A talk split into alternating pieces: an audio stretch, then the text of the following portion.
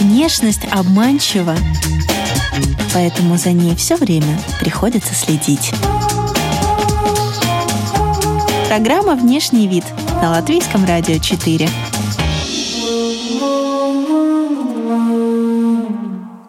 Здравствуйте, дамы и господа! Вы слушаете радиопрограмму и подкаст о красоте и моде «Внешний вид». Здесь мы отвечаем на такие вопросы, о которых вы раньше даже не задумывались. Приглашаем и вас окунуться с нами в этот интересный опыт. У микрофона Алиса Орлова. Сегодня в эпизоде вы услышите для меня красота – это потенциал. А потенциал в человеке есть всегда. Вы мне нравитесь сразу, такие, как есть. Не надо мне пытаться понравиться. Когда я тебя фотографирую, ты фото... улыбаешься не мне, ты улыбаешься самой себе, который будет смотреть это через пять лет. И с нами сегодня человек, который в кадре и за кадром, фотограф, модель, автор костюмов, э, постоянный участник венецианского карнавала Константин Сурин. Здравствуй. Добрый, так сказать, день.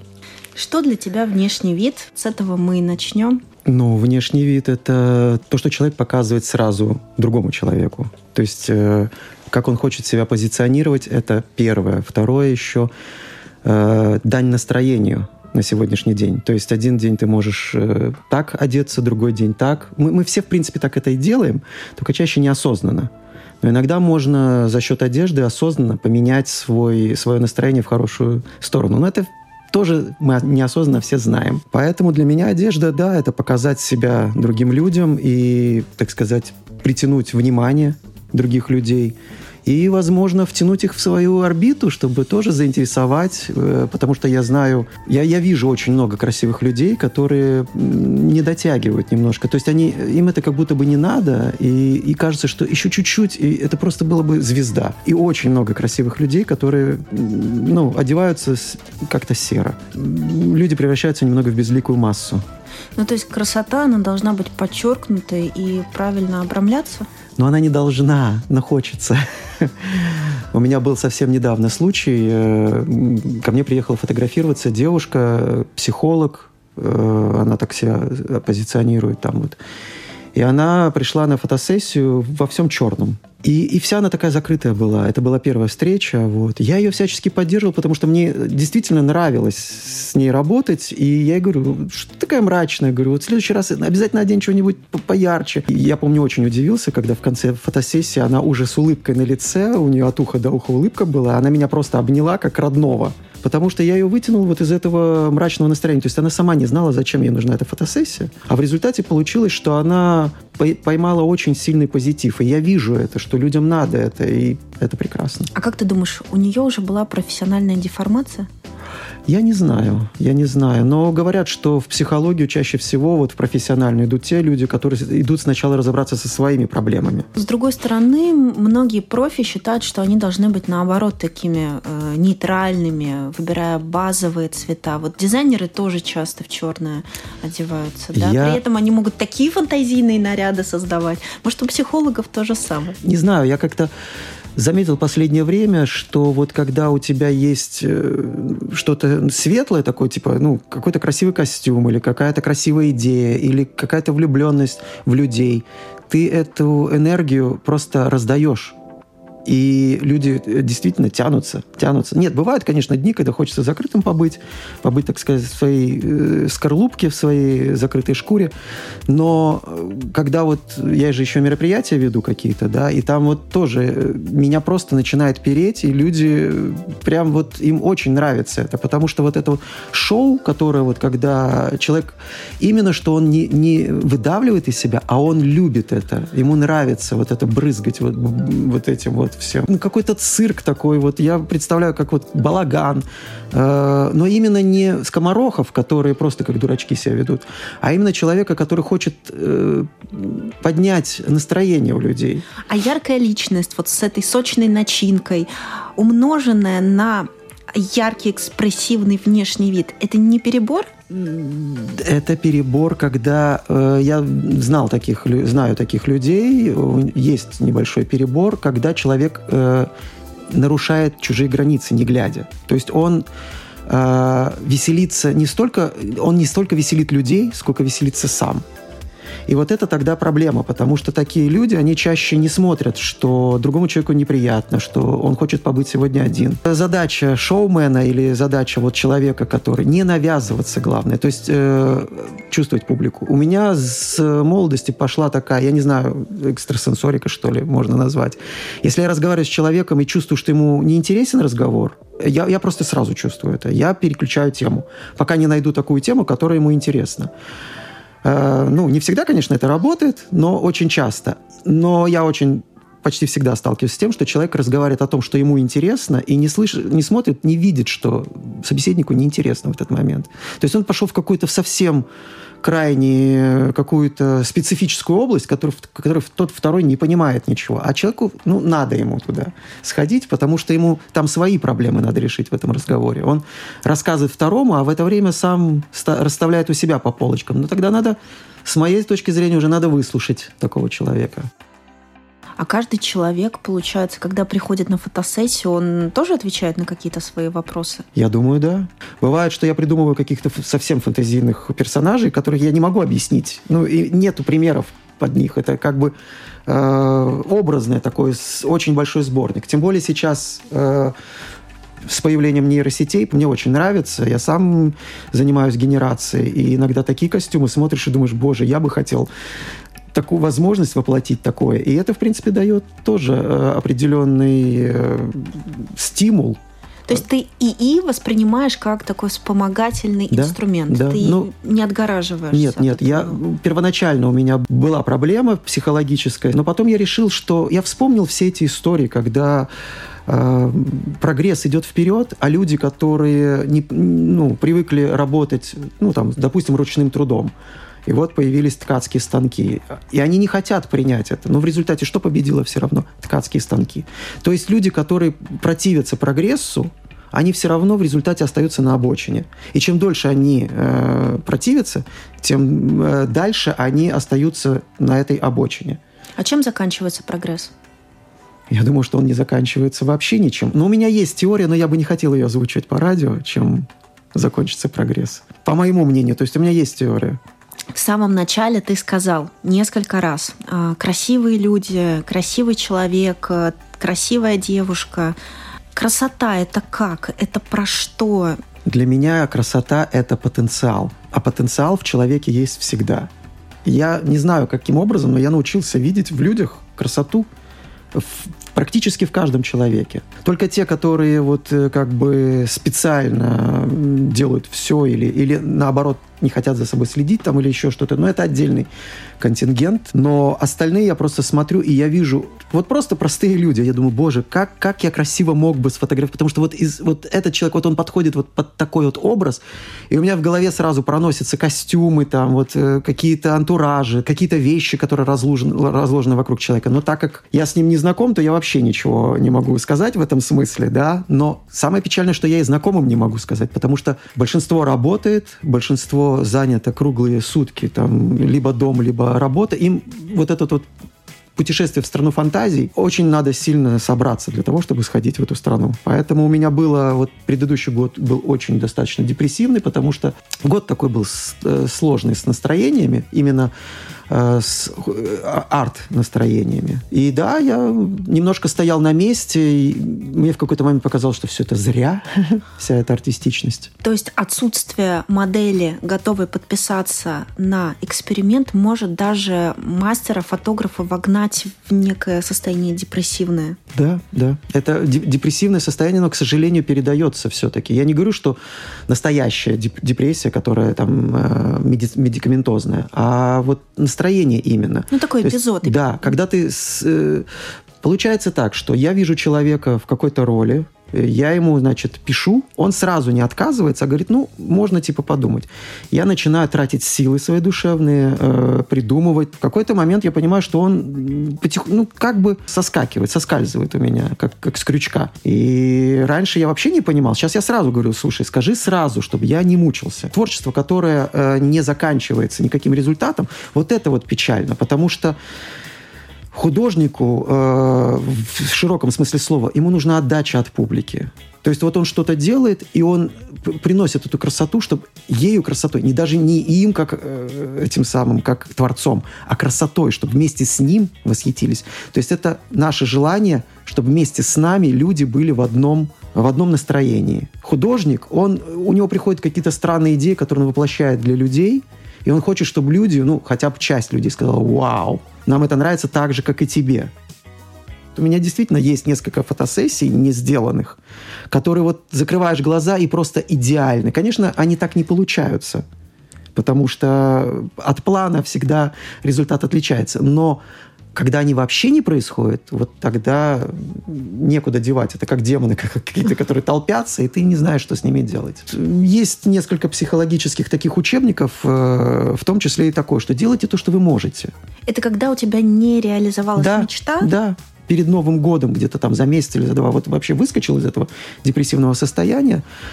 И потом у меня опять столько энтузиазма, я столько всего наготовил на следующий сезон. Я в какой-то момент у меня, ну, и страшно от этого становится. Но главное, что все все равно идет потихоньку. Маятник качнулся да, из да, минуса да, в плюс. Да. Я сейчас, наверное, приземленно так спрошу еще о красоте. То, насколько будет красива та или иная модель, женщина, э, будет зависеть от того, как фотограф выставит свет. Так ли это? Или как на нее этот свет упадет.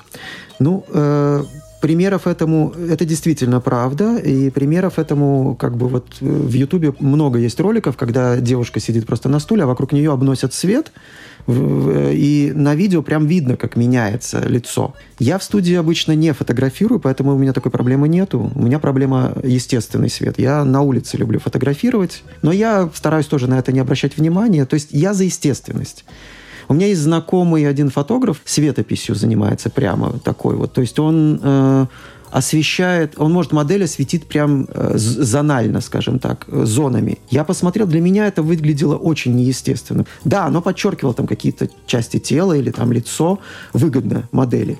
Но для меня это казалось как-то плоская картинка. Мне больше казалось, что это как будто нарисовано художником, чем фотографом. И все-таки я за то, что для меня зависит красота модели не столько от цвета внешнего, сколько от цвета внутреннего. Я очень часто моделям э, призываю их к тому, чтобы они вздыхали с каким-то восторгом. У меня есть коронная фраза, я ее один раз открыл, и я э, говорю ее сейчас каждой модели. Я говорю, улыбнись. Улыбнись так, как будто бы ты улыбнулась самой себе. Потому что когда я тебя фотографирую, ты фото... улыбаешься не мне, ты улыбаешься самой себе, которая будет смотреть это через пять лет. Когда улыбаюсь я, я потом вижу, как несимметрично это выглядит. У меня один глаз открыт, другой закрыт. Мимические морщины. Слушай, Но как бы не все вот. готовы себя принять даже вот в этом состоянии главная, счастья. Главная забота любого человека – это начать как можно раньше принимать себя. В какой-то момент, вот когда я стал моделью, я видел, что иногда фотографы выставляют фотографий, на которых я не очень сам себе нравлюсь. А потом я подумал, ну, во-первых, это все равно я, ну, я, я бываю таким, это раз. А во-вторых, если они ставят смешные фотографии меня, этим они психологически себя, свой комплекс выставляют, а не мой. И для меня это просто психологический тест. А сам я себя не считаю там некрасивым или еще что-то. Да, я знаю, что я не идеален. И, идеален только Ален Делон в, в молодости. Когда ты себя принимаешь, во-первых, ты уже начинаешь получаться лучше. Это сразу, это первое. А второе, это самое главное запомни, никто никогда кроме тебя самой, не отслеживает вот эти тонкие мелочи, которые тебе не нравятся в тебе самой. Все мы зациклены только на себе. Поэтому как ты выглядишь, так и нормально. Ну и в основном люди же видят образ в целом, а не фокусируются да, на чем. Да, ну, если это не какой-то да. там профессионал, который привык под лупой да, смотреть. Да, нет, я не думаю, что таких вообще не, не, не бывает. А если такие бывают, надо их прогонять от себя. Ты, э, ты делаешь постобработку? Да, я делаю постобработку, но в первую очередь по требованию моделей. У меня есть тоже э, возрастные модели, которым не нравится, что морщинки какие-то видны, есть, есть э, небольшие такие. Причем эти э, инструменты э, обработки, они настолько кажутся не, невидными, что люди воспринимают то, что вот они видят э, после постобработки, им кажется, что это так и есть. И это, в принципе, приятно, с одной стороны. Но нам все равно лучше принять себя такими, какие мы есть, потому что не то, чтобы дальше будет хуже, но это как бы лучше принимать, потому что нам жить с этим человеком, нам жить с этим лицом. Если ты принял себя таким, какой ты да. есть по всем фронтам, получается, ты остановился в развитии, вот у меня как раз было депрессивное настроение как раз из-за того, что я не понял, куда дальше идти. Тогда как бы нет прогресса. Да. Ты не растешь, да, ты да, уже да. вот ты есть. Но Смотри, вещь в том, что ты становишься на другую ступеньку. Может быть остановка, а что делать дальше? А потом ты понимаешь, что ты можешь вовне нести красоту вовне нести как бы себя как красоту и других людей преображать. Это глав, главнее. Потому что сам ты уже для себя красив. Ты можешь обратить внимание на других и помогать им. Нести себя как красоту мне очень нравится, как это звучит. Принять себя таким, какой есть, это уже э, часть красоты. Когда человек перестает фокусироваться на внешней, он может фокусироваться на внутренней на своей внутренней красоте. А сейчас мир разве такой, что ты можешь в какой-то момент успокоиться и здесь не подкрашивать, здесь не, там, не подтягивать, не подкалывать? Это все зависит от самого тебя. И какое у тебя самого ощущение от самого себя. Если ты принял себя, то тебе не нужны вот эти вот процедуры подкалывания или еще что-то, потому что но мы же в обществе живем, все равно э, нас встречают ну, по внешнему. Да, если, ну я, может быть, скажем так, еще пошел таким путем, что я не, не фокусируюсь на том, нравлюсь я или не нравлюсь. Потому что раньше, когда я очень хотел нравиться, это вело еще и к э, обману. То есть я хотел показать себя человеку таким, какой бы ему понравился. И из-за этого я брал на себя какие-то ненужные обязательства какие-то, зная, что тому человеку это понравится. Потом я, я был окружен враньем, которое исходило из меня внутри. И когда я отказался, то есть я понял, что мне не нужно этого делать, я красив и так, вот, э, я понял, что мне не нужно по крайней мере, минимум врать. То есть можно быть честным с самим собой и честным с другим человеком. Конечно, это не значит говорить ему в лицо, что он там сегодня плохо выглядит. Это значит не, не льстить чересчур, не пытаться заискивать, потому что я сейчас очень остро чувствую, когда кто-то пытается мне понравиться, я говорю, не надо, не надо. Я готов воспринимать такими, какие вы есть, вы мне нравитесь, сразу такие, как есть. Не надо мне пытаться понравиться. Потому что я сейчас вот, вот эти вот тоже пики, э, если очень там, э, очень хорошо все или очень плохо, я тоже их перестал любить. Я как бы стараюсь поровнее, ну, как бы и чуть-чуть в лучшую сторону. А вот эти вот эмоциональные качели – это, к сожалению, такая пагубная э, вещь, которая существует в нашем обществе, к сожалению, между людьми очень часто. И очень трудно, когда твой собеседник или твой друг э, приверженец вот этих вот эмоциональных качелей. Спрыгнуть с них. Спрыгнуть с них, потому что он не только сам качается, он же тебя еще тащит туда. Ты не покупал билет на эту карусель. Туда аттракцион. Аттракцион, да. Модели хотят понравиться фотограф? Может быть, неосознанно? Я думаю, что вот если копать вот в, в моих э, моделей, э, то скорее не фотографу понравится, а чтобы результат получился красивый. Они хотят, чтобы понравиться обществу. Фотография это, в принципе, тоже вот немножко такое, слегка обман, но это артистический обман. Это не значит, что, конечно, человек может поставить эту фотографию на сайт знакомств и утверждать, что после постпродакшена фотография переделана, это вот это, это я. Если он выставляет просто в социальной сети, это значит, что я себя таким вижу вот сейчас. Вот я себя таким вижу. Вот я такой был. В жизни, может быть, я немножко уста более уставший, там, немножко более грустный, там, или еще что-то. Но вот такой я тоже мог бы быть. Я э, очень с, раннего, с очень раннего времени Э, в фотошопе удаляю людям прыщики на постпродакшене, потому что я понимаю, что в момент фотографии этого прыщика могло не быть. И я принимаю эту э, реальность, что в этот момент модель могла выглядеть так. Какие темы фотосессий тебя захватывают сейчас? Ну, э, меня давно уже захватывают. Э, в первую очередь это фотосессии в каких-то костюмах исторических или псевдоисторических, ну, примерно на какую-то эпоху. Причем меня вот как поперло несколько лет назад э, придумывать целый сценарий. То есть у меня, если фотосессия, она состоит там из 10-15 фотографий, и можно проследить сюжет, если смотреть ну, все фотографии подряд. То есть развитие.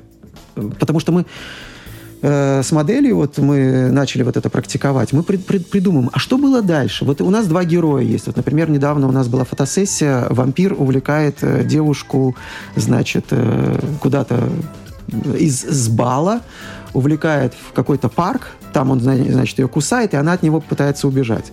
И у нас прям вот так вот идет. То есть сначала он ее уводит от какого-то замка со свечами, потом они в парке танцуют, вот, она от, отвлекается, он кусает ее, значит, в руку, потом пытается в шею укусить, она начинает убегать. Весь сюжет виден.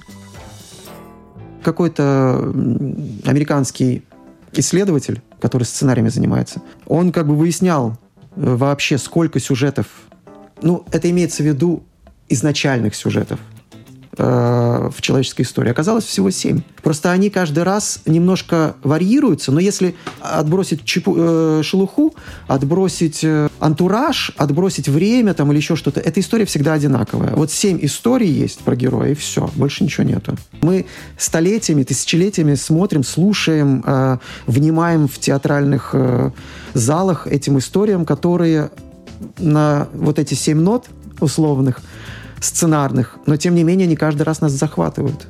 Потому что мы хотим сопереживать герою, мы ставим себя на место героя. Скажи, ты в этом году полетишь на карнавал в Венецию? Планируешь? В этом году у меня, к сожалению, вот так как прошлый год у меня пропал из-за депрессивных настроений, у меня не сложилось столько костюмов, сколько я хочу. Я не хочу с одним костюмом лететь. Мне мне всегда нравилось два костюма выгулить, это минимум, вот, может быть три. И у меня есть один, э, была давно одна идея, э, но все как-то не складывалось. Вот, то есть это довольно такой костюм так сказать, тяжелый для... То есть его полностью придется самому делать. Он затратный, затратный по материалам, затратный по деньгам, затратный по времени. Я созрел на то, чтобы наконец-таки потратиться на какие-то вот вещи, которые причем моя модель, она когда услышала сумму, которую я потратил на ингредиенты к этому костюму, она говорит, ты, с тобой что-то случилось, ты заболел? Я говорю, я впервые понял, что, а смысл какой эти деньги держать, ну там, или потратить, там, я не знаю, в ресторане или еще где-то. Надо жить сейчас. Причем раньше я себе говорил это, но я не чувствовал этого. А сейчас я почувствовал, я понял, что я а шаг между говорил, не чувствовал и почувствовал? Меня многие, вот кому я сейчас рассказываю, они обвиняют в том, что, типа, ты лицемеришь. Ну, то есть жизнь-то все равно, типа, несчастливая. Я говорю, ребята, начинаешь с того, что уговариваешь себя, да. А потом ты понимаешь, что, что ты жив, то, что вокруг тебя, что ты живешь в городе, причем в столице, причем европейского государства. То есть на самом деле для того, чтобы быть счастливым, то есть понять, что ты счастлив, можно столько э, каждый день себе э, этих причин найти. И вот сначала, конечно, это фейк, то есть ты, ты тебе, нет, сегодня все-таки хороший день. Там тебе льет дождь, нет, он сегодня все-таки хороший день. А потом ты в какой-то момент понимаешь, да боже мой, да действительно хороший день. И действительно ты счастлив в любой момент. Только это, счастье это не есть окончательный такой вот, как вот хоп, счастье и тупик. Нет. Счастье это путь, который ты каждый день до, ну, проходишь сам. Но это надо практиковать, это действительно надо практиковать. Так вот, я вечно, вечно побирался по каким-то людям, спрашивал, а вдруг у вас есть одолжить вот это, а вдруг у вас есть одолжить вот это. Некоторых вещей в Риге вообще нету. И потом я подумал, а что мне мешает купить самому, и вот пусть они у меня будут. Да, действительно, у меня чаще всего останавливало, но это же на один раз, это же бессмысленно. Но потом получается, что все равно это можно использовать еще раз, еще раз, чуть-чуть переделать или чуть-чуть изменить внешний вид. Мы люди такие, что если вот ты вчера видела костюм, а сегодня он пересобран, добавлены детали, убраны детали, э, еще причем, э, парик другой на человеке другого цвета, там, еще какие-то детали добавлены, тебе может показаться, что это новый костюм. Вот у меня целая гардеробная всяких вещей, которые не очень нужны, как бы. Просто я не мог... Самое ненужное. Практически самое ненужное. А, самое ненужное? Да, какая? Э, женские платья. У меня очень много женских платьев, которые я просто, я в секонд-хенде, когда вижу, просто обалденное платье. Я представляю, как, как можно его красиво отснять. Если на модели оно, допустим, не лезет, я могу его разрезать на спине просто с, это самое, сшить чем-нибудь. Ты просто думаешь, так, я забираю да, тебя отсюда. Да, да. Неважно, что да, с тобой потом будет, да, но отсюда да. я тебя заберу. И э, мужские вещи у меня висят иногда по три года, пока не понадобятся. Например, вот на Шерлока Холмса я собрал набор, э, некоторые вещи действительно у меня три года висели. Я не знал, для чего они у меня висят. Вернее, я покупал их для чего-то другого. А тут я скомпоновал, и в, в результате, неожиданно для самого себя, я оказался, я действительно, я видел, что я э, очень хорошо получился, очень хороший костюм получился. Я сам не ожидал, э, это было отмечено, в общем-то, двумя призами. В прошлом году в на прошлом году на... Да. Фотографируя людей а, в антураже разных веков, и сам ты тоже примеряешь а, разные исторические костюмы. Что ты понял о человеке? Что ты понял о людях? Это я уже давно знал, но на практике убедиться это стоило лучше. Ну, когда человек одевается в какой-то другой костюм, у него меняется характер. Я бы не, сказал, не назвал это множественными ума, умами там, или там, э, множественными душами, но мне кажется, что потенциально мы действительно очень разноплановые. У нас мозг – это очень адаптивный механизм. То есть сначала мы играем, в эту ситуацию. А если бы мы попали на машине времени, попали в какое-то время, нам недолго пришлось бы играть, мы бы очень быстро адаптировались. У нас Блиц, быстрые вопросы-ответы. Э, внешность обманчива, поэтому? Поэтому призывайте других быть честными с самим собой и сами будьте честны. Красота или функциональность? Э, золотая середина. Счастье зависит от внешнего вида? Э, внешний вид – это часть счастья. Э, что значит изюминка в женщине? Изюминка в женщине – это тоже я не очень давно узнал. Вот эта вот внутренняя радость, которую можно сначала, конечно, фейк, но это, это изюминка каждого человека, внутренняя радость. Потому что когда человек угрюмый или он э, обидчивый. Ну, угрюмость и обидчивость, они рядом ходят. Но если человек как бы излучает негатив, он, соответственно, это не изюминка, это какая-то засохшая субстанция. Что положил бы в капсулу времени э, для потомков о своей работе? Ну, наверное, свои фотоработы, потому что в какой-то момент, когда я начинаю листать свои, свои работы вот на Фейсбуке, мне почему-то, конечно, это очень громко, но мне кажется, что я прям какой-то вот, иногда я летописец, какой-то вот Конечно, это не назвать это настоящей летописью, то есть исторической, но, тем не менее, вот какие-то года я очень много фотографировал, и это прям исторические документы для меня лично. И я думаю, что для других людей тоже. Если внешность – это послание, то о чем ты говоришь миру своей внешностью? О чем твое послание? Принимайте себя такими, какие вы есть, и украшайте. Когда человек принимает себя, у него появляется база на которую он может опереться. Э, лучший базис – это ты сам. Когда ты уверен в себе и любишь себя, ты и есть свой камень, на котором ты можешь строить основание. Поэтому все легче становится после того, как принимаешь себя. Костя, спасибо большое. Ну и если когда-нибудь изобретут машину времени, я обращусь первым делом к тебе, потому что ну вот у тебя все костюмы, мне кажется, на все времена. Будет в чем отправиться. Мне, к счастью, помогают. Прошлое или в будущее. Мне, к счастью, помогают много людей, э, перечисление здесь их это заняло бы много времени. Я очень благодарен людям, которые мне помогают и которые участвуют в моих проектах. Спасибо. С нами был Константин Сурин, фотограф, модель, автор костюмов. Спасибо. Друзья, вы слушали радиопрограмму и подкаст о красоте и моде «Внешний вид». Напоминаю, что э, мы есть на всех популярных подкаст-платформах. Если вам понравился этот выпуск, то э, поставьте лайк, делитесь. И в радиоэфире мы теперь выходим по пятницам. Обратите внимание. У микрофона была Алиса Орлова. До свидания.